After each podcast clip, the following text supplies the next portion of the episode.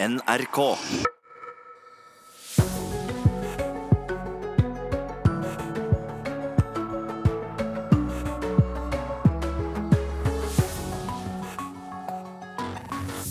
God morgen. Vi må selvsagt eh, snakke om arrestasjonen av mulla Krekar etter at han jo ble dømt til fengsel for terrorplanlegging av en domstol i Italia i går. Politiets sikkerhetstjeneste pågrep ham altså i går kveld.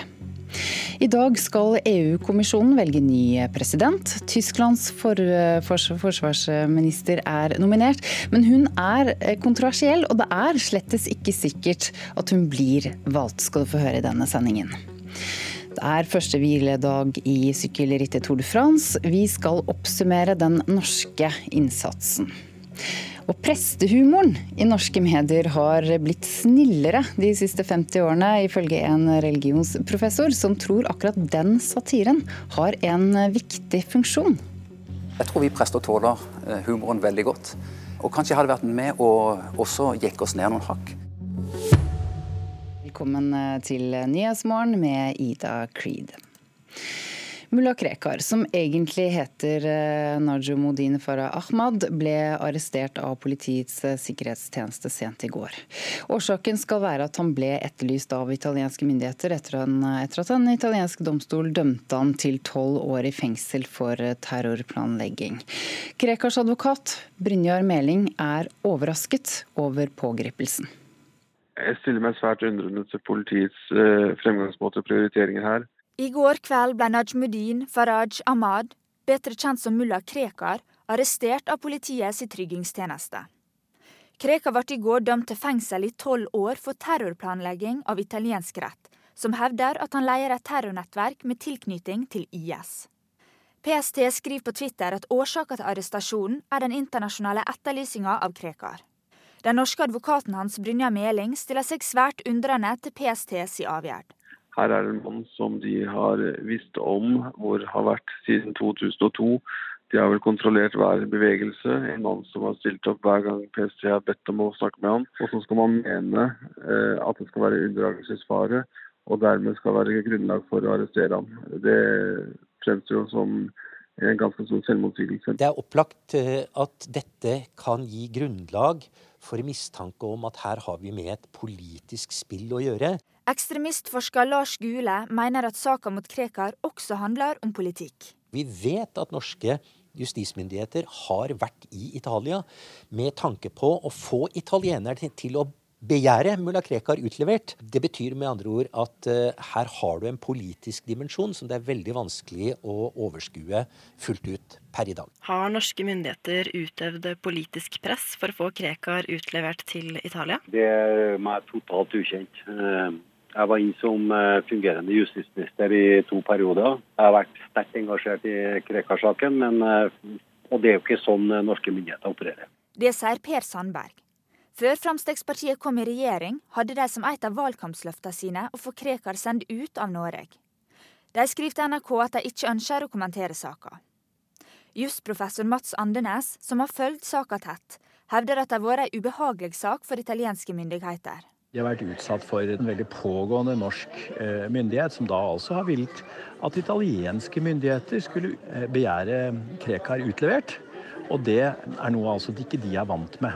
Justis- og beredskapsdepartementet skriver en e-post til NRK at dommen ikke er rettskraftig og kan bli anka. På nåværende tidspunkt ligger det ikke føre noe utleveringsbegjæring fra Italia i saka. Utover dette kan ikke departementet kommentere saka. Dersom den italienske domstolen gir en arrestordre nå, vil det bli en helt ny runde i norsk rett, sier jusprofessor Andenes.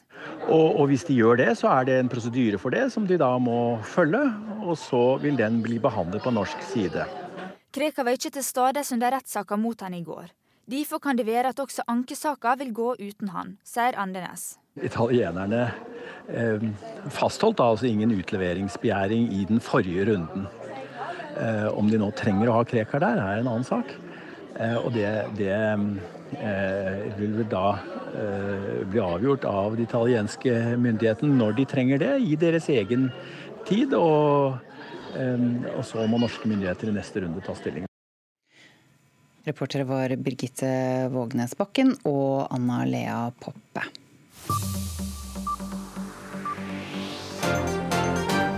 Dette har skjedd i natt.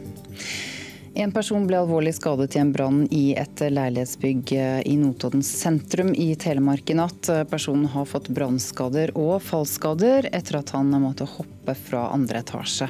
Brannvesenet sier at de har kontroll over brannen nå. Mulla Krekar ble sent i går kveld arrestert av Politiets tryggingstjeneste. Årsaken skal være den italienske etterlysinga av han. Krekar, som egentlig heter Najumuddin Faraj Ahmad, ble i går dømt til tolv år i fengsel for terrorplanlegging.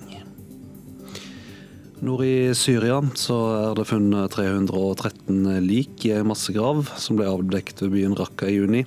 Alle de døde ble trolig drepne medan terrorgruppa IS styrte byen i flere år. Raqqa ble frigjort fra IS i 2017 eh, etter en lang kamp som ødela byen.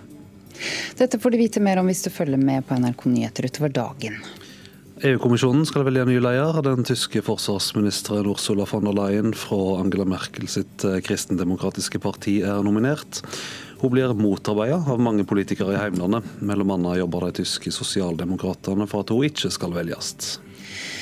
En eh, seremoni som markerer 50-årsjubileet for månelandingen, eh, skal holdes ved Cape Canaveral i Florida i USA i dag. Astronautene Boss eh, Aldrin på 89 og 88 år gamle Michael Collins fra Apollo 11 skal selvfølgelig være med. Og Seint i kveld og utover natta er det delvis måneformørking. Det er godt over halvparten av månen blir formørka, og i Norge kan du se dette lågt på himmelen fra Trøndelag og sørover. Om en er heldig med været, da. Norske universiteter og høyskoler eh, mottar langt mindre private penger enn nabolandene våre Sverige og Finland. Blant 36 medlemsland i OECD, Organisasjonen for økonomisk samarbeid og utvikling, ligger Norge aller nederst på listen når det gjelder bidrag fra næringsliv og andre private til høyere utdanning. God morgen, god morgen. Hotellet Ida-Lir i Stavanger er ikke et helt vanlig hotell. Det tilhører nemlig Universitetet i Stavanger og var ei gave fra næringslivet. Overskuddet fra virksomheten skal gå tilbake til eh, universitetet. Det forteller rektor ved universitetet, Marit Bojesen. Slike gaver fra næringslivet og fra privatpersoner ønsker nå minister for høyere utdanning Iselin Nybø mer av. Jeg skulle ønske at eh, flere private bedrifter og flere privatpersoner valgte å gi penger til universitetene og høyskolene. En ny rapport fra OECD syner nemlig at Norge er helt nederst på lista over OECD-landene når det kommer til bidrag fra private aktører i høyere utdanning. Bare 0,2 av finansieringa er fra private. Vi har godt offentlig finansierte eh, høyskoler og universiteter i Norge. Men hvis vi hadde fått mer penger på toppen av de offentlige pengene, så kunne vi jo ha gjort enda mer. Og det ville kommet eh, hele samfunnet vårt eh, til gode. Kunnskapsdepartementet skriver til NRK at statsbudsjettene vil bli trangere framover, og at det derfor er gunstig og velkomment med støtte fra private aktører. Det må jo ikke bli en sovepute for politikerne. Rektor ved ved Universitetet i Stavanger er klar på at slik finansiering fra private ikke kan komme i stedet for økte statsløyvinger. Bojesen mener likevel at det er nødsynt med mer finansiering fra næringslivet. Hvis vi skal hevde oss internasjonalt, eh, så bør vi rykke opp på den eh, statistikken. Det er jo et klart dilemma, fordi det er veldig viktig å holde på forskningens frihet og universitetenes autonomi. Vil det da kunne være slik at private aktører også kan stille krav til universitetene og legge føringer? Jeg ser ikke på dette som et problem, for vi vet at de mest prestisjefylte og de beste universitetene vi har i verden i dag, de mottar milliarder i gaver.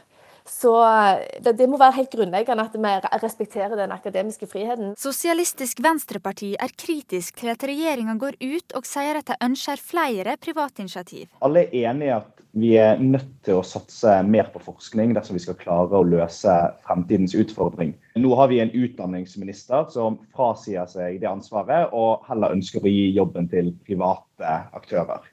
Nybø varsler trangere statsbudsjetter. Det handler om prioriteringer. Det sier Sosialistisk ungdomleder Andreas Unneland. Det vi ser er at sånne avtaler mellom akademia og private ofte er preget av kortsiktighet og hva som er lønnsomt for bedriftene. Og Da er det ganske naivt å tro at det ikke får noe konsekvenser for den faglige friheten til akademia. Nybø avviser kritikken fra SV. Denne regjeringen har eh, virkelig prioritert høyere utdanning og forskning. Vi har økt eh, budsjettene til universitetene og høyskolene våre betydelig. Private gaver vil komme på toppen av det, og ikke istedenfor. Reporter eh, Birgitte Vågnes Bakken og Jo Henrik Egeland Jarstø. Vi har fått i studio Guro Lind. Du er professor i kreftforskning ved Oslo universitetssykehus og Universitetet i Oslo, og leder av Forskerforbundet. Velkommen hit til Nyhetsmorgen. Takk for det. Norge ligger altså aller nederst på denne listen når det gjelder eh, bidrag fra næringsliv og private. Gjør det noe? Ja, altså Det er jo ingen tvil om at Norge trenger en økt, en økt satsing på uh, forskning og uh, utvikling. Vi står jo overfor store utfordringer uh, og omstillinger. Vi har jo det grønne skiftet. Vi skal ha et bærekraftig velferdssystem. og vi så jo nylig den brå omveltningen i petroleumsindustrien. Så det er veldig viktig at vi har en sterk Eh, forskningsdisiplin, og sånn at vi kan skape et godt kunnskapsgrunnlag for å få til de bærekraftige løsningene. Ja, for Det er altså viktig selvfølgelig med den faglige friheten for forskermiljøet. Så hvordan skal man passe på det hvis det blir flere private interesser? Mm. Eh, vi er jo nødt til å også mobilisere eh, fra det private næringslivet. og det, det, ønsker vi velkommen nettopp for å få til en, en samlet stor satsing på forskning. Eh, vi har jo allerede forpliktet oss til gjennom langtidsplanen for forskning og høyere utdanning til å nå et mål på 3% av bruttonasjonalprodukt til forskning. Og der ligger vi langt unna. Og vi må mobilisere på det offentlige, men vi må også trekke næringslivet inn. Så har vi jo da en utfordring som gjelder eh, uavhengig av hvor finansieringen kommer fra, som gjelder forskningen. Som skal være fri og uavhengig og kritisk. Og det er et veldig viktig prinsipp. Men det mener du uansett om, om, pengene kommer fra statlig hold eller fra private? Det måte, det går ut på det samme. Man må passe på den faglige friheten uansett, er det det du sier? Nettopp, og det er helt grunnleggende at vi kan stole på forskningen. Spesielt i en tid der fake news stadig seiler opp, så er det jo forskning og kunnskapsgrunnlaget som skal løse samfunnsutfordringene. Eh, og vi ser jo eksempler på at eh, den frie forskningen kan være under press. Og det er jo bare noen år siden vi hadde en tidligere fiskeriminister, Per Sandberg, eh, som fikk rettmessig kritikk fra flere hold fordi han uttalte at Havforskningsinstituttet skal være et næringsvennlig institutt og dele ambisjonene regjeringen har for oppdrettsnæringen. Og Det viser jo nettopp et soleklart eksempel på eh, føringer som, som, da kom fra politisk hold, og som, som gjør at denne jobben vi har, med å passe på at forskningen er fri og uavhengig, eh, er konstant og veldig viktig å jobbe med. Ja, I andre land eh, er det da mer vanlig at private gir pengebidrag til universiteter. Eh, hva er erfaringen derfra om hvordan det påvirker forskningen? Altså, det er mange eksempler på at, at dette går veldig bra. Eh, og så er det jo også eksempler på at man kan selvfølgelig få interessekonflikter. Av og til kommer jo denne type midler med noen eh, heftelser. F.eks. at man kan ønske å sitte i styret, være med i de strategiske diskusjonene i forhold til hvordan eh, institusjonen da skal satse framover. Eh, og det er derfor viktig at vi klarer å holde eh, grunnprinsippet om at forskningen alltid skal være fri, kritisk og uhildet. Hva gjør dere forskere for å passe på det, da? Nei, for I Forskerforbundet så, så eh, brukte vi denne anledningen etter Sandberg sitt utspill til å lage Forskerløftet som eh, var en underskriftskampanje der alle de politiske partiene eh, på Stortinget var med å skrive under på at de eh, skulle hegne om den akademiske friheten. Og Det forplikter både i Norge og i utlandet. Takk, Guro Lind, professor i kreftforskning ved Oslo universitetssykehus.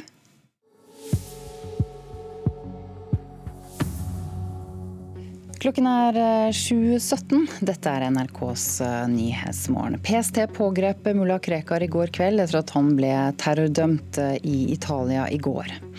Nye Vestland fylke er en digital sinke når det gjelder bredbånd.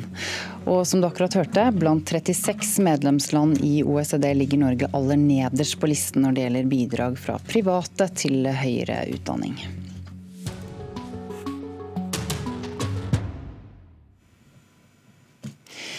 Senere i dag skal EU-kommisjonen eh, e velge ny eh, president. Tysklands forsvarsminister Ursula von der Leyen er nominert til denne posten. Hun eh, tilhører statsminister Angela Merkels kristendemokratiske parti CDU, men hun blir motarbeidet i hjemlandet. De tyske sosialdemokratene bl.a. jobber for at hun ikke skal velges. Og Førsteamanuensis ved Institutt for forsvarsstudier Robin Allers, hvorfor jobber flere tyske politikere for at hun ikke skal bli den nye presidenten for EU-kommisjonen? Det er mange som er misfornøyd for det første med prosessen, hvordan hun ble valgt som kandidat. Eh, mange hadde håpet at, hun, at en av toppkandidatene til EU-valget fra de foreslåtte av partifamilien skulle bli kommisjonspresident. Eh, så fikk ingen av dem et flertall, klart flertall i parlamentet, og så kom eh, von der Leyen som en kompromisskandidat ut av intet. Så mange er misfornøyd med prosessen, men hun er også um, upopulær uh, i sitt eget land. Og det er kanskje det mest overraskende at de som sitter sammen med henne i regjering, motarbeider henne i, uh, i denne prosessen. Hun ser jo veldig ordentlig ut. Hun har fått til mye. Hun har også vært forsvarsminister i en, eh, en periode som har vært utfordrende. Eh, hva er det med henne som splitter og provoserer, tror du? Hun er, hun er, helt utvilsomt eh, meget godt eh, forberedt og kvalifisert til den oppgaven. Hun snakker fransk og engelsk og selvfølgelig tysk, og eh, blir til og med født i Brussel og, og, utdannet i London, og USA, eh, og har sittet sammenhengende i samtlige samtlige regjeringer til eh, Angela Merkel siden 2005. Ikke snakker mange språk. Ja, snakker språk. Eh, ikke bare som forsvarsminister, som arbeidsminister, familieminister, som hun er meget godt kvalifisert på mange måter, har masse erfaring. Men uh, hun har alltid også provosert med hennes eh, framtreden. Hun sitter i mange, mange talkshows. Hun eh, kan fremstå som glatt og velpolert. og eh, Hun blir også eh, kritisert for eh, det familiebildet hun skaper. Hun er syvbarnsmor og eh, står nok for et veldig konservativt familiebilde. Delvis urettferdig, for hun har fått til masse på likestillingsfronten og familiefronten som arbeids- og familieminister. Hva ellers er det hun har utrettet?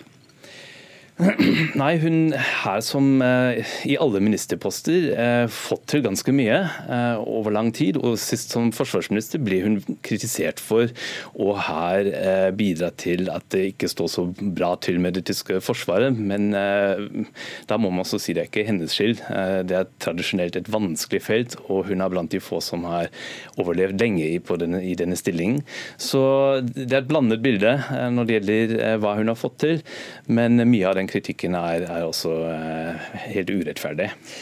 Hun er altså den eneste da som er nominert til eh, jobben som president for EU-kommisjonen. Eh, dette skal diskuteres i hele dag, og så skal det stemmes over klokken 18 i kveld.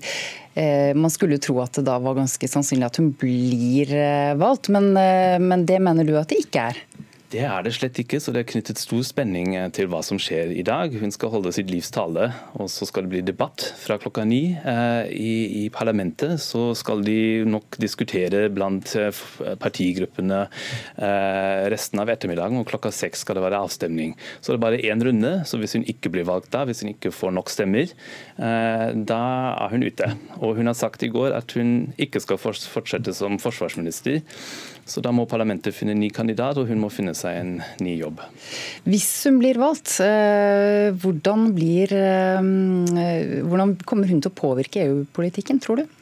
Hun er det som man nå kaller en overbevist europeer. Og, eh, så, så hun, og hun er første kvinne i den jobben. Eh, og hun har mange mange vanskelige oppgaver. Som, så er hun også en del av en pakke, av, en, av, et team, av et lag som skal få til mye. Så det er mange viktige, store oppgaver. Men hun vil i hvert fall være et eh, friskt pust. Takk, førsteamanuensis ved Institutt for forsvarsstudier, Robin Allers.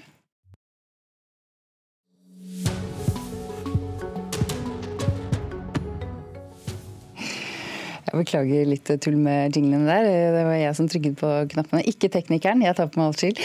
Men nå, eh, sport. Det er etter hvert mange nordmenn som følger ivrig med på det store sykkelrittet Tour de France. I dag er det første hviledag i konkurransen, og det er på tide å gjøre en liten oppsummering av hvordan det har gått eh, så langt. Og For å hjelpe til med det, så har vi hanket inn NRKs sykkelkommentator Arild Eriksen. God morgen. God Morgen. Hvordan skal vi oppsummere rittet så langt, med norske øyne da særlig? Eh, det har vært eh, nære på. Vi har en andreplass på en etappe med Alexander Kristoff. Og så har vi hatt et par etapper hvor vi har hatt norske ryttere i brudd. Og det har vel egentlig vært det som har vært å melde hjem om sånn stort sett. Og så har det vært en del hjelperytterrolle for de norske rytterne. Ja, det er altså hjelperyttere som har imponert. Eh, hvem av dem har imponert mest? Eh, jeg har lyst til å trekke fram Amund Grøndal Jansen, eh, som sykler for et lag som heter Jumbo Visma. Han har gjort veldig god jobb for sin eh, spurter, som heter Dylan Gronevegen. Og har vært en, en viktig mann i, i, jobben med å få han fram og, og være i riktig posisjon inn i spurtene. Edvald Boasson Hagen har, har prøvd seg i brudd, men ikke lyktes helt. Hvorfor ikke? Ja, Det er det kanskje egentlig Edvald som kan svare best på selv. Men um, sånn historisk sett så har vi sett Edvald sterkere når han har vært i brudd tidligere år. Uh, han var det for et par dager siden, og da tror jeg det var en del som var litt sånn skuffa over det de så. Det tror jeg faktisk Edvald var selv også. Han hadde nok håp om å, å gjøre det enda bedre.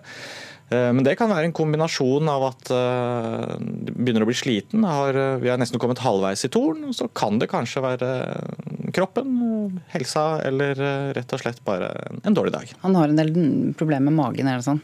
Eller? Han har i hvert fall slitt litt med det før. Det er ikke alle som tåler veldig mye sånn sportsdrikke over, over lang tid. Og selv så har han vel sagt at han har, han har kjent hvert fall litt til det. Eh, så får vi håpe at det er noe som eh, han finner ut av at det blir bedre. Hva med Alexander Kristoff som eh, kom inn som nummer to på den fjerde etappen. Kan han klare å ta en etappeseier i dagene som kommer, tror du? Jeg tror den uka som kommer nå blir veldig vanskelig. For nå kommer vi inn i en litt sånn ny, uh, ny del av Torn. Men hvis vi ser siste uken, så har han gode muligheter. Kanskje faktisk allerede i morgen. Det er vel siste mulighet. Etter det så blir det tempo, og så er det fjelletapper. Så i morgen er kanskje dagen, ellers må vi vente til siste uka. Det er altså elleve etapper igjen. Hvordan blir de neste etappene? Ehm, hvis vi da ser bort fra den etappen i morgen som, eh, som Alexander Kristoff har en sjanse på, så går vi nå inn i den delen hvor sammenlagtrytterne skal vise seg fram. Det er en eh, individuell tempo.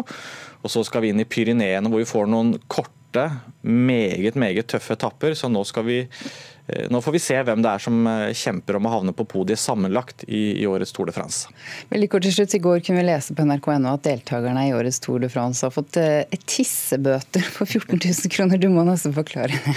ja, det er akkumulert over i løpet av hele de første, første delen av årets tour. Det går på dette her at i løpet av en lang dag så er rett og slett rytterne nødt til å, å tømme seg litt. Og da er det slik at Hvis de gjør det foran publikum, så får de en bot bot på 200 sveitserfranc.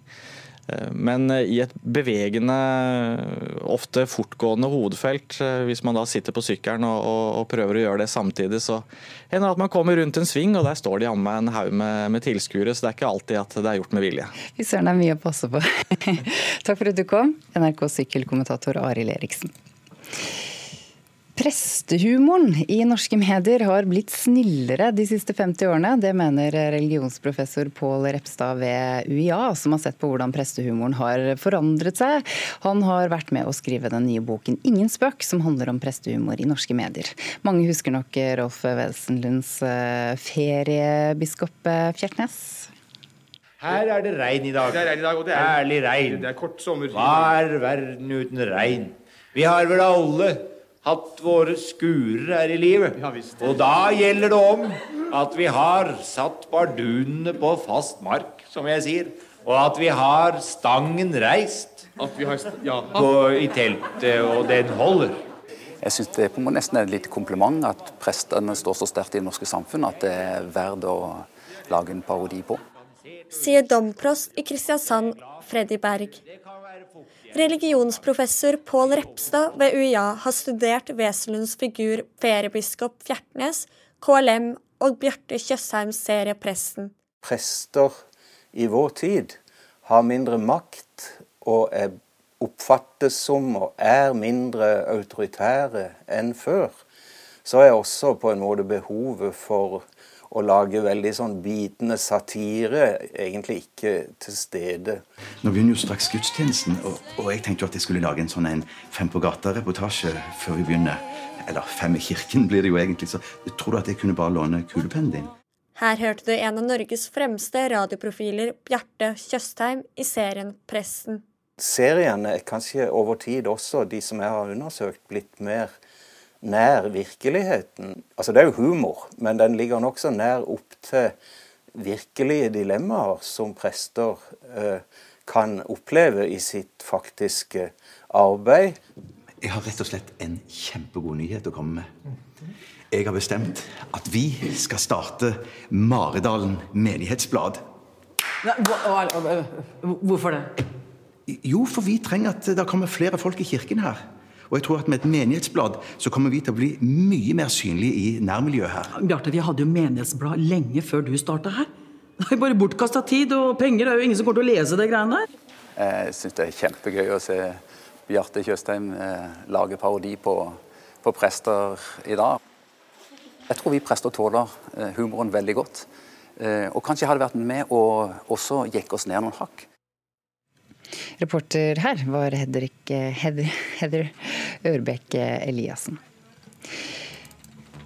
Ja, Du hører på eller ser på Nyhetsmorgen på NRK, eh, NRK rett og slett. På både NRK1 og på P2. Alltid nyheter er vi. Vi er også på nett og mobil. Og nå er det straks klart for eh, Dagsnytts hovedsending 7.30.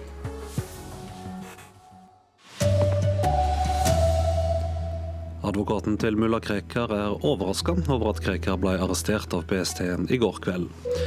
Regjeringa mener private bør gi mer penger til høgskoler og universitet. Stadig mer kritikk mot Donald Trump etter at han ba kongresskvinner med minoritetsbakgrunn reise tilbake der de kom fra. Her er NRK Dagsnytt klokka 7.30. Mulla Krekar, som egentlig heter Najamuddin Faraj Ahmad, ble arrestert av politiets tryggingstjeneste i går kveld.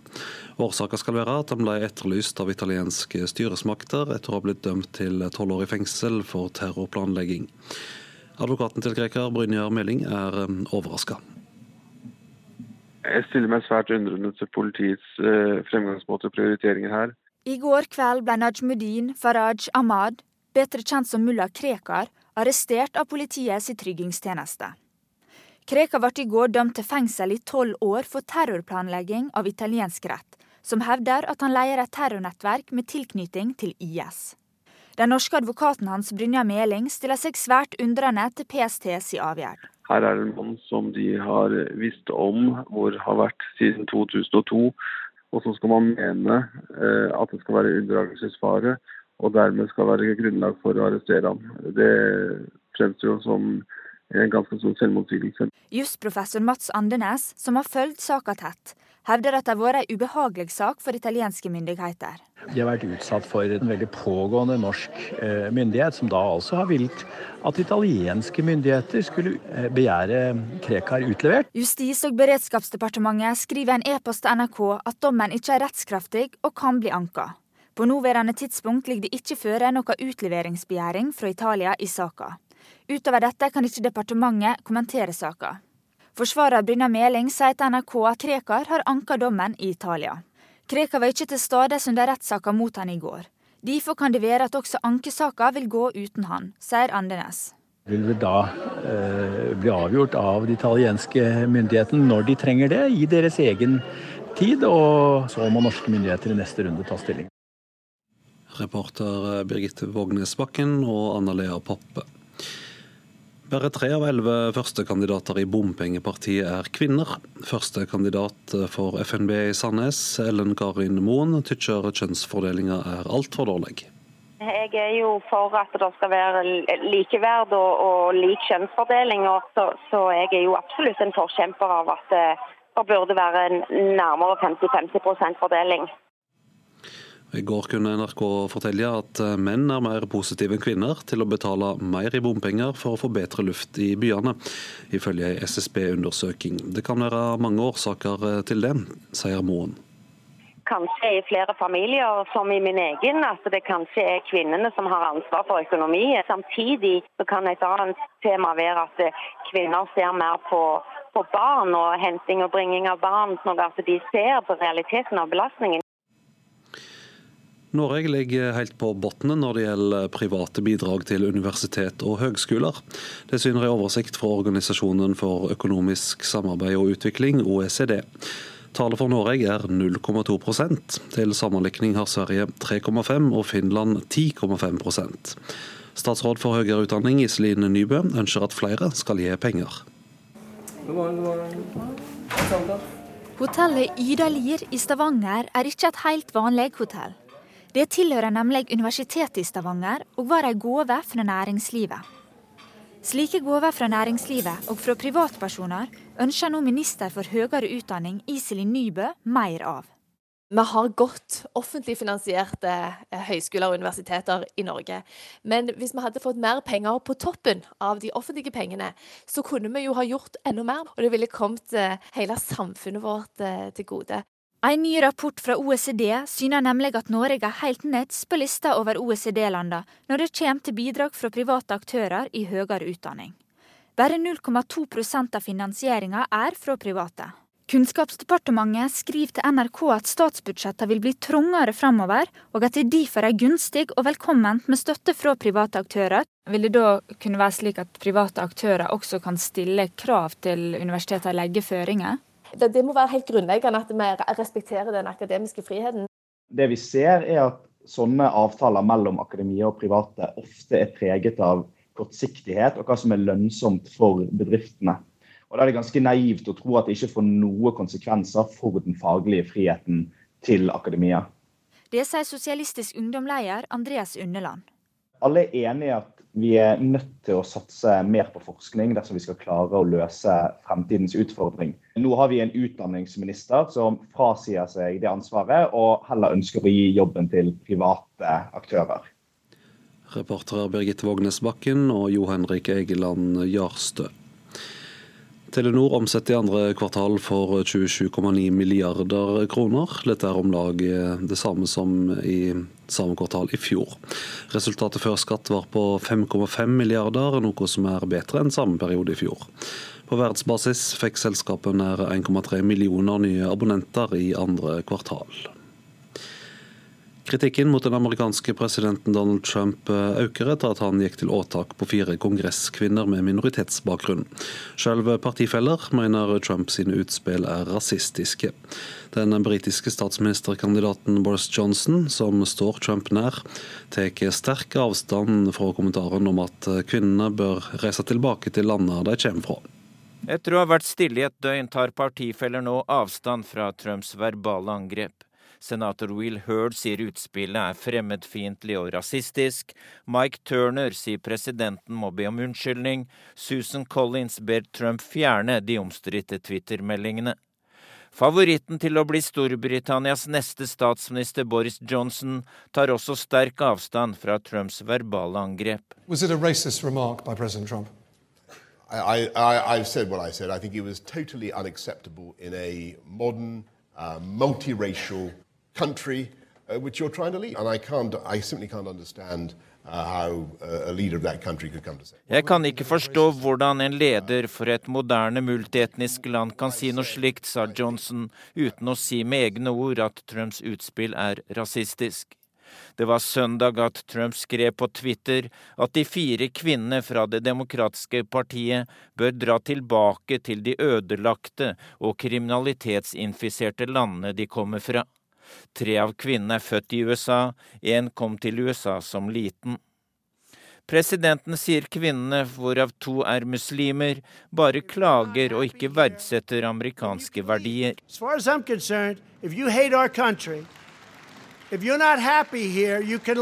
Hvis du hater landet vårt og ikke er glad her, så reis, gjentar Donald Trump.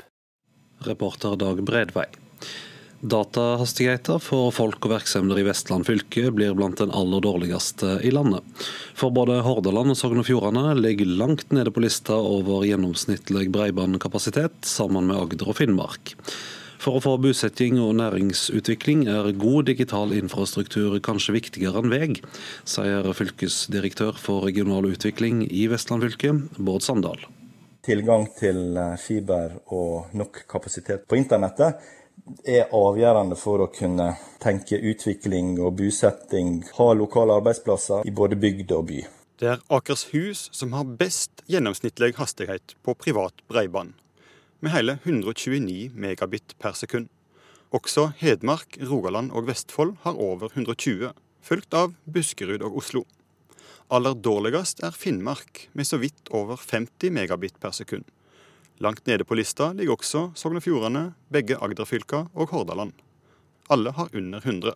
Det er for dårlig, rett og slett. Det færreste aksepterer å bo sånn at vi i dag ikke har tilgang til det. Det sier næringsdirektør Jan Heggheim i Sogn og Fjordane fylkeskommune. Det som vann og kloakk, det er helt avgjørende for at bedrifter og bygdesamfunn skal utvikle seg. Skremmer det folk eller bedrifter fra å etablere seg hvis det er for dårlig bredbåndsdekning?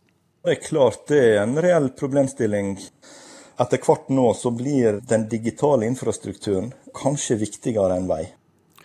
Som døme nevner Bård Sandal at oppdrettsnæringa er svært opptatt av å få både bedre dekning og bedre datahastighet. Nå når mesteparten av næringa blir digitalisert, jeg sitter og styrer merdene fra helt andre plasser enn der de ligger. Ambisjonen vår er at eh, vi skal ha lik tilgang til digital infrastruktur uansett hvor du bor i dette flotte, nye vestlandsfylket vårt. Hvis en ser det opp mot uh, hva det koster å bygge disse veistubbene våre, så er jo ikke all verdens med penger. Det burde være greit å kunne få til. Det sa direktør for eh, regional utvikling i Nye Vestland fylke, Bård Sandal, reporter Leif Rune Løland. Ansvarlig for sendinga Elin Pettersen, i studio Vidar Eidhammer.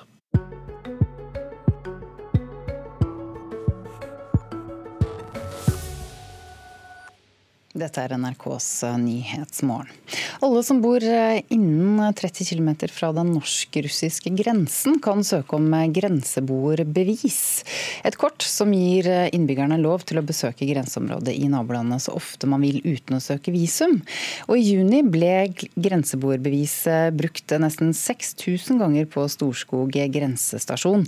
Og nå skal vi bli med en familie fra Kirkenes til Russland for å handle. Velkommen til Russland. Ni år gamle Martin sitter i baksetet på stasjonsvogna som akkurat har kryssa grensa mellom Sør-Varanger kommune og Murmansk oblast. En tur til Russland er for Martin omtrent like spennende som svenske handel er for hans jevnaldrende sør i landet. Dere må finne en måte sånn at jeg ikke må reise meg opp i det hele tatt.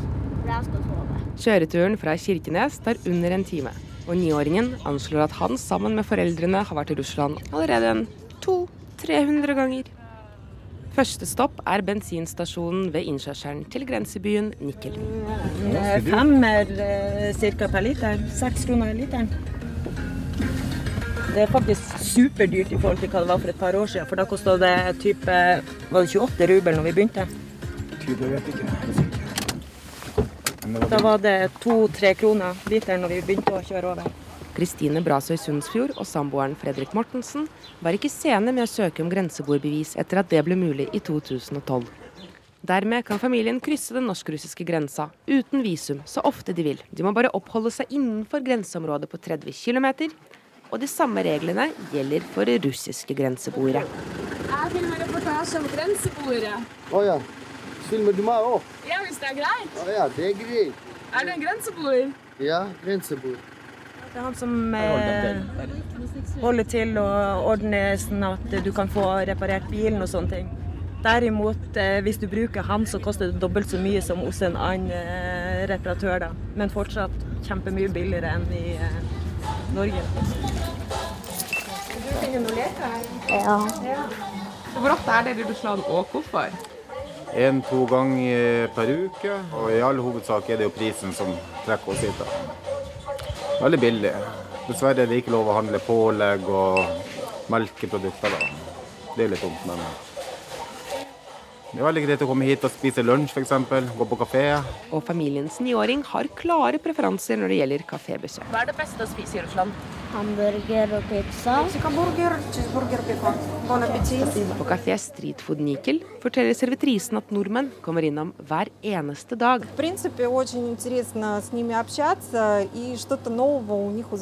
Det er interessant å snakke med nordmenn og høre om deres nytt, forteller Natalia Dobnja. Grenseboerbeviset gjør det enkelt å reise mellom Norge og Russland i nord, og er en berikelse for regionen, ifølge henne. Men den norsk-russiske handelen utvikler seg ikke slik man hadde håpet og forutsett for fem-seks år tilbake. Som følge av Russlands konflikt med Vesten pga. Krim og Ukraina, har tallet på grensepasseringer over Storskog sunket jevnt og trutt siden 2014. Lyspunktet er grenseboerbeviset som stadig flere benytter seg av. Men på dette området så tror Kristine at nordmenn kan bli enda flinkere. Altså Den dag i dag får jeg kommentar på at 'hæ, drar du til Russland alene?' Bare ja, det gjør jeg fordi at jeg gidder ikke å ha gubben med når jeg skal fære over for å få spa. For da har jeg en som står og maser på meg 'når er du ferdig?' og jeg vet jo ennå det er masse mannfolk òg som bare drar til eh, bensinstasjonen og hjem igjen. Fordi at de tør ikke å fære og sjekke hva som er bakom dører, rett og slett. Bråkig og skummelt, da. Jeg tror det er mange som holder seg unna fordi at de ikke klarer å kommunisere. Men med kroppsspråk og et vennlig smil kommer man heldigvis langt. Det er jo det. Det er jo utrolig artig. Det er jo derfor vi gjør det type to ganger i uka, bare fordi at det er Både berikelse og besparelse på alle måter. Ja. Det, det, er liksom så, det er så surrealistisk å fære over og se at bare fire mil unna Kirkenes så er det en helt annen verden, egentlig. Men så er vi jo tross alt grensenaboer. Det er jo greit å si, se hvem man har som naboer. Reporter eh, Ksenia Novikova.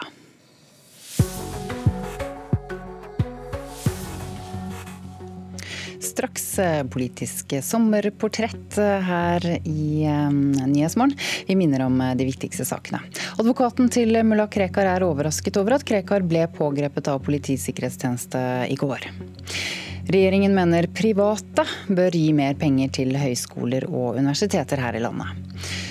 Og det har kommet sterke reaksjoner mot Donald Trump etter at han ba kongresskvinner om um, å reise tilbake dit de kommer fra, som han sa. Og så tar vi med at Telenor akkurat har levert sitt resultat. Dagens Næringsliv skriver at resultatet er noe lavere enn ventet. Vi kommer tilbake til dette senere i sendingen. Men nå, Bettina Lindgren er eh, trebarnsmoren eh, som talte statsminister Erna Solberg midt imot i eh, Stortingets vandrehall. Lindgrens kamp mot pleiepengeordningen til foreldre med alvorlig syke barn ble kronet med politisk seier, og nå går hun ut i sin første valgkamp som SVs ordførerkandidat i Sola kommune i Rogaland.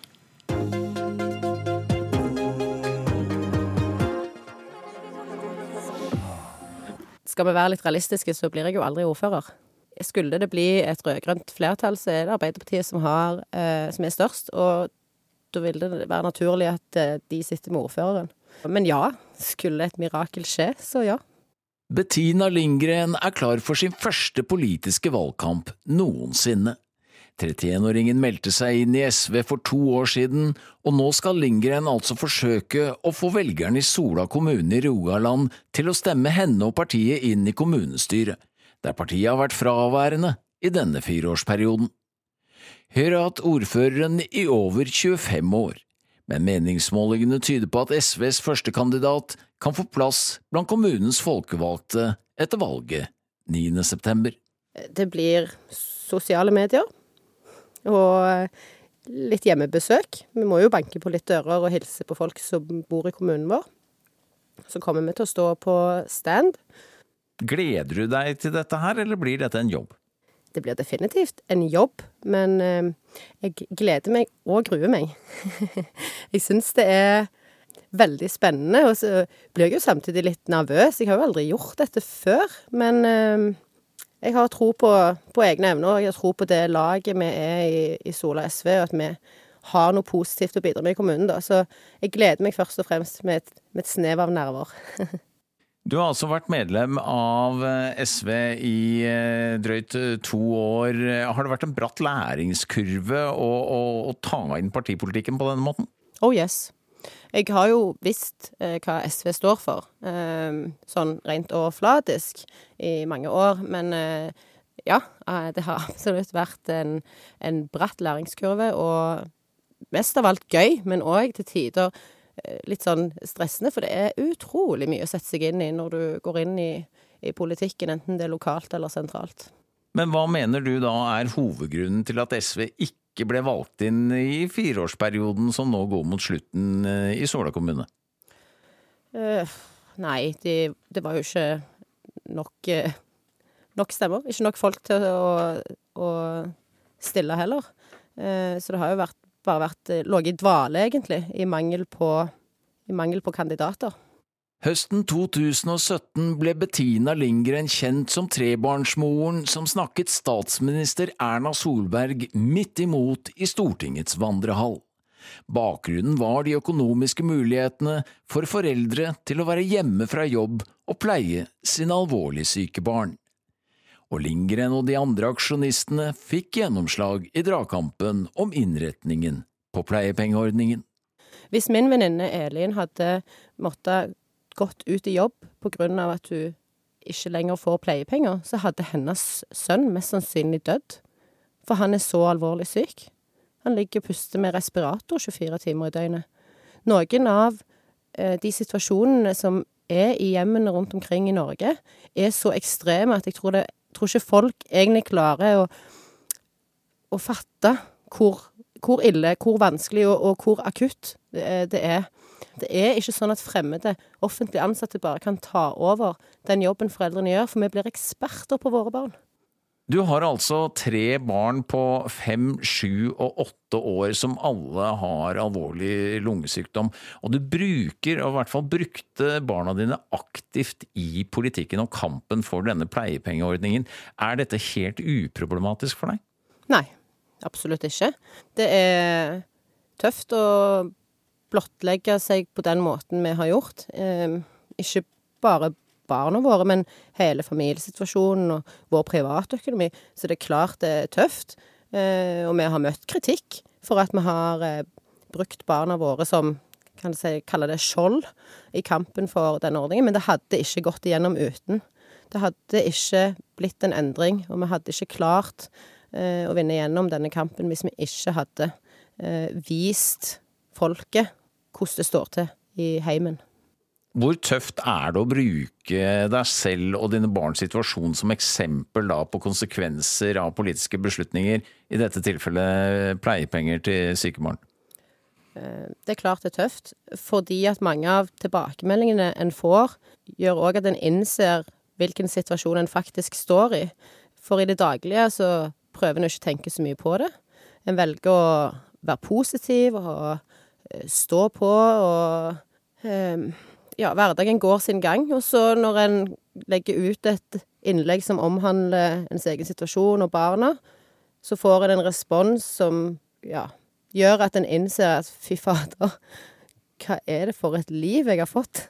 Men så, ja Så er det noe med at folk kjenner deg igjen og vet, vet mye om deg. Det er klart at det, det er ikke bare bare, men jeg mener at åpenhet er verdt det, og at kunnskap er makt. Så det er det som veier tyngst hos meg.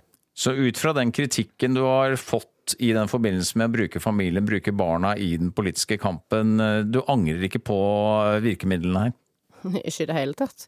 Fordi hvis jeg ikke hadde gjort det, så hadde ikke mine barn hatt foreldre som kunne mottatt pleiepenger for å være hjemme og ta vare på dem.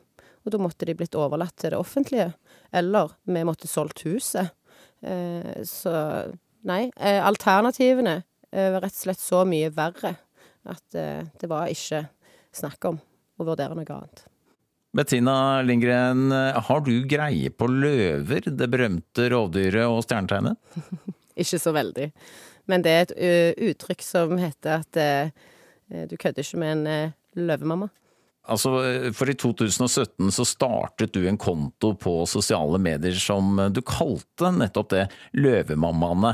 Hva kjennetegner en løvemamma?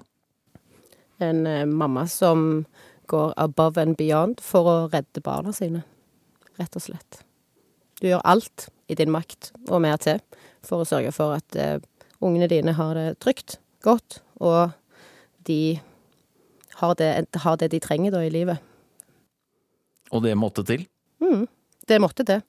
Vi kjente på det at når Stortinget stengte julen 2017, eh, at vi var redde for å bli glemt. Vi var redde for at eh, pleiepengeaksjonen skulle bli eh, dyssa ned av alt annet som skjedde fra, fra januar til, til Stortinget åpna i oktober, og vi måtte ta opp kampen videre, da. Så vi tenkte at vi starter, vi starter Løvemammene, så viser vi hverdagen som den er, så folk husker oss og er klar for eh, kamp igjen i oktober. Kan far være løvepappa, eller er dette en mammating, eh, mener du? Nei, vi har løvepappa òg. Vi har mange løvepappaer som har stilt opp. Men fedre er generelt litt mindre synlige, eh, både i organisasjonene for syke og funksjonshemmede, og, og rent generelt i media. De mange politiske besøkene på Stortinget i forbindelse med dragkampen om innretningen på pleiepengeordningen har gitt Bettina Lindgren mersmak på politisk arbeid på nasjonalt nivå. Jeg ønsker klart at eh, SV skal fortsette å gjøre gode meningsmålinger, sånn som vi har gjort fram til nå, eh, i håp om at vi i 2021 da kan danne regjering med den rød-grønne sida. Bettina Lindgren, kunne du tenke deg nasjonale verv, stortingsrepresentant f.eks.? for eksempel? ja, selvfølgelig. Jeg vet noen trives i lokalpolitikken, men for meg så begynte jo min politiske karriere eh, litt motsatt, eh, med at jeg troppa opp på Stortinget og talte min sak. Så det har absolutt gitt mersmak. Og jeg har mer enn én gang hatt lyst til å rope fra galleriet i i stortingssalen at dere tar feil. Så jeg skulle gjerne stått der sjøl, altså, og delt noen viktige gloser med representantene der. Absolutt. Bettina Lindgren, du er med i studio fra NRKs kontor i Stavanger, og jeg står i studio i Oslo. Kjørte du bil fra Sola for å komme fram til Stavanger nå? Det gjorde jeg. Hva synes du om bompengeopprøret, som jo eh, på mange måter startet i Rogaland og på Vestlandet? Jeg har delte meninger om det. Jeg forstår folk.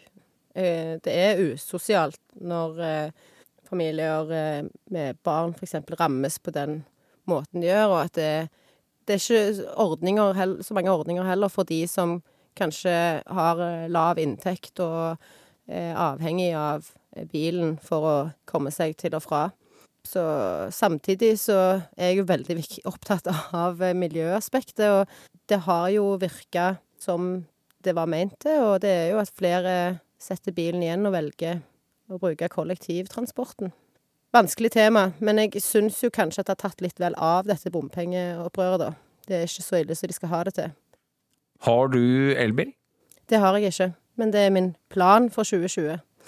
Da har jeg hørt at det kommer mye bra elbiler på markedet.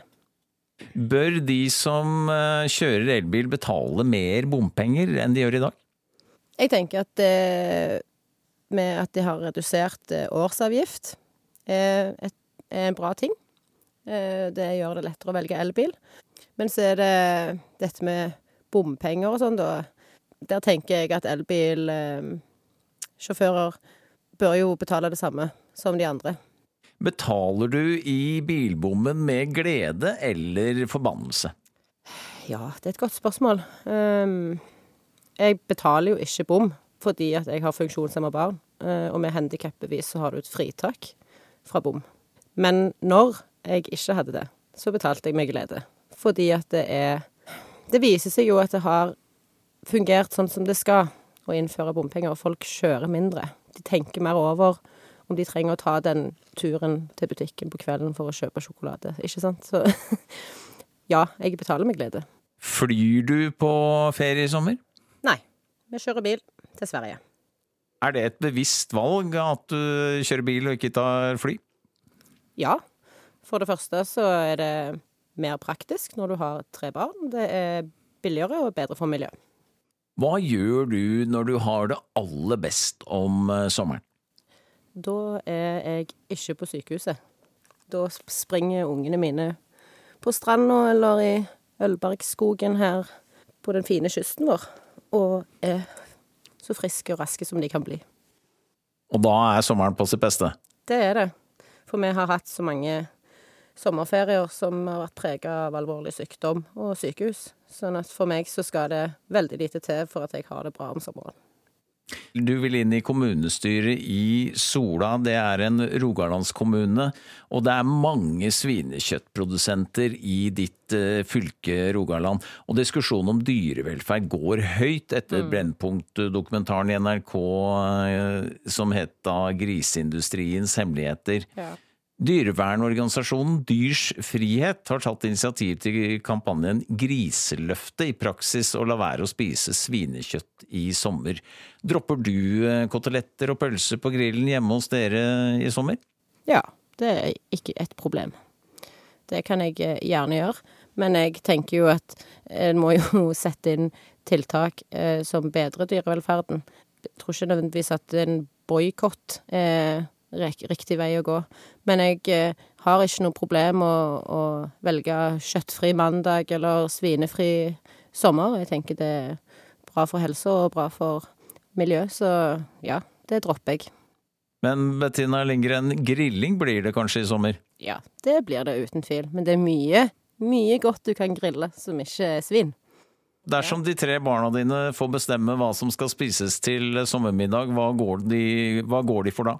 De er veldig glad i taco og pannekaker. Som alle barn. Eh, men på grillen så er faktisk favoritten grilla mais med kryddersmør.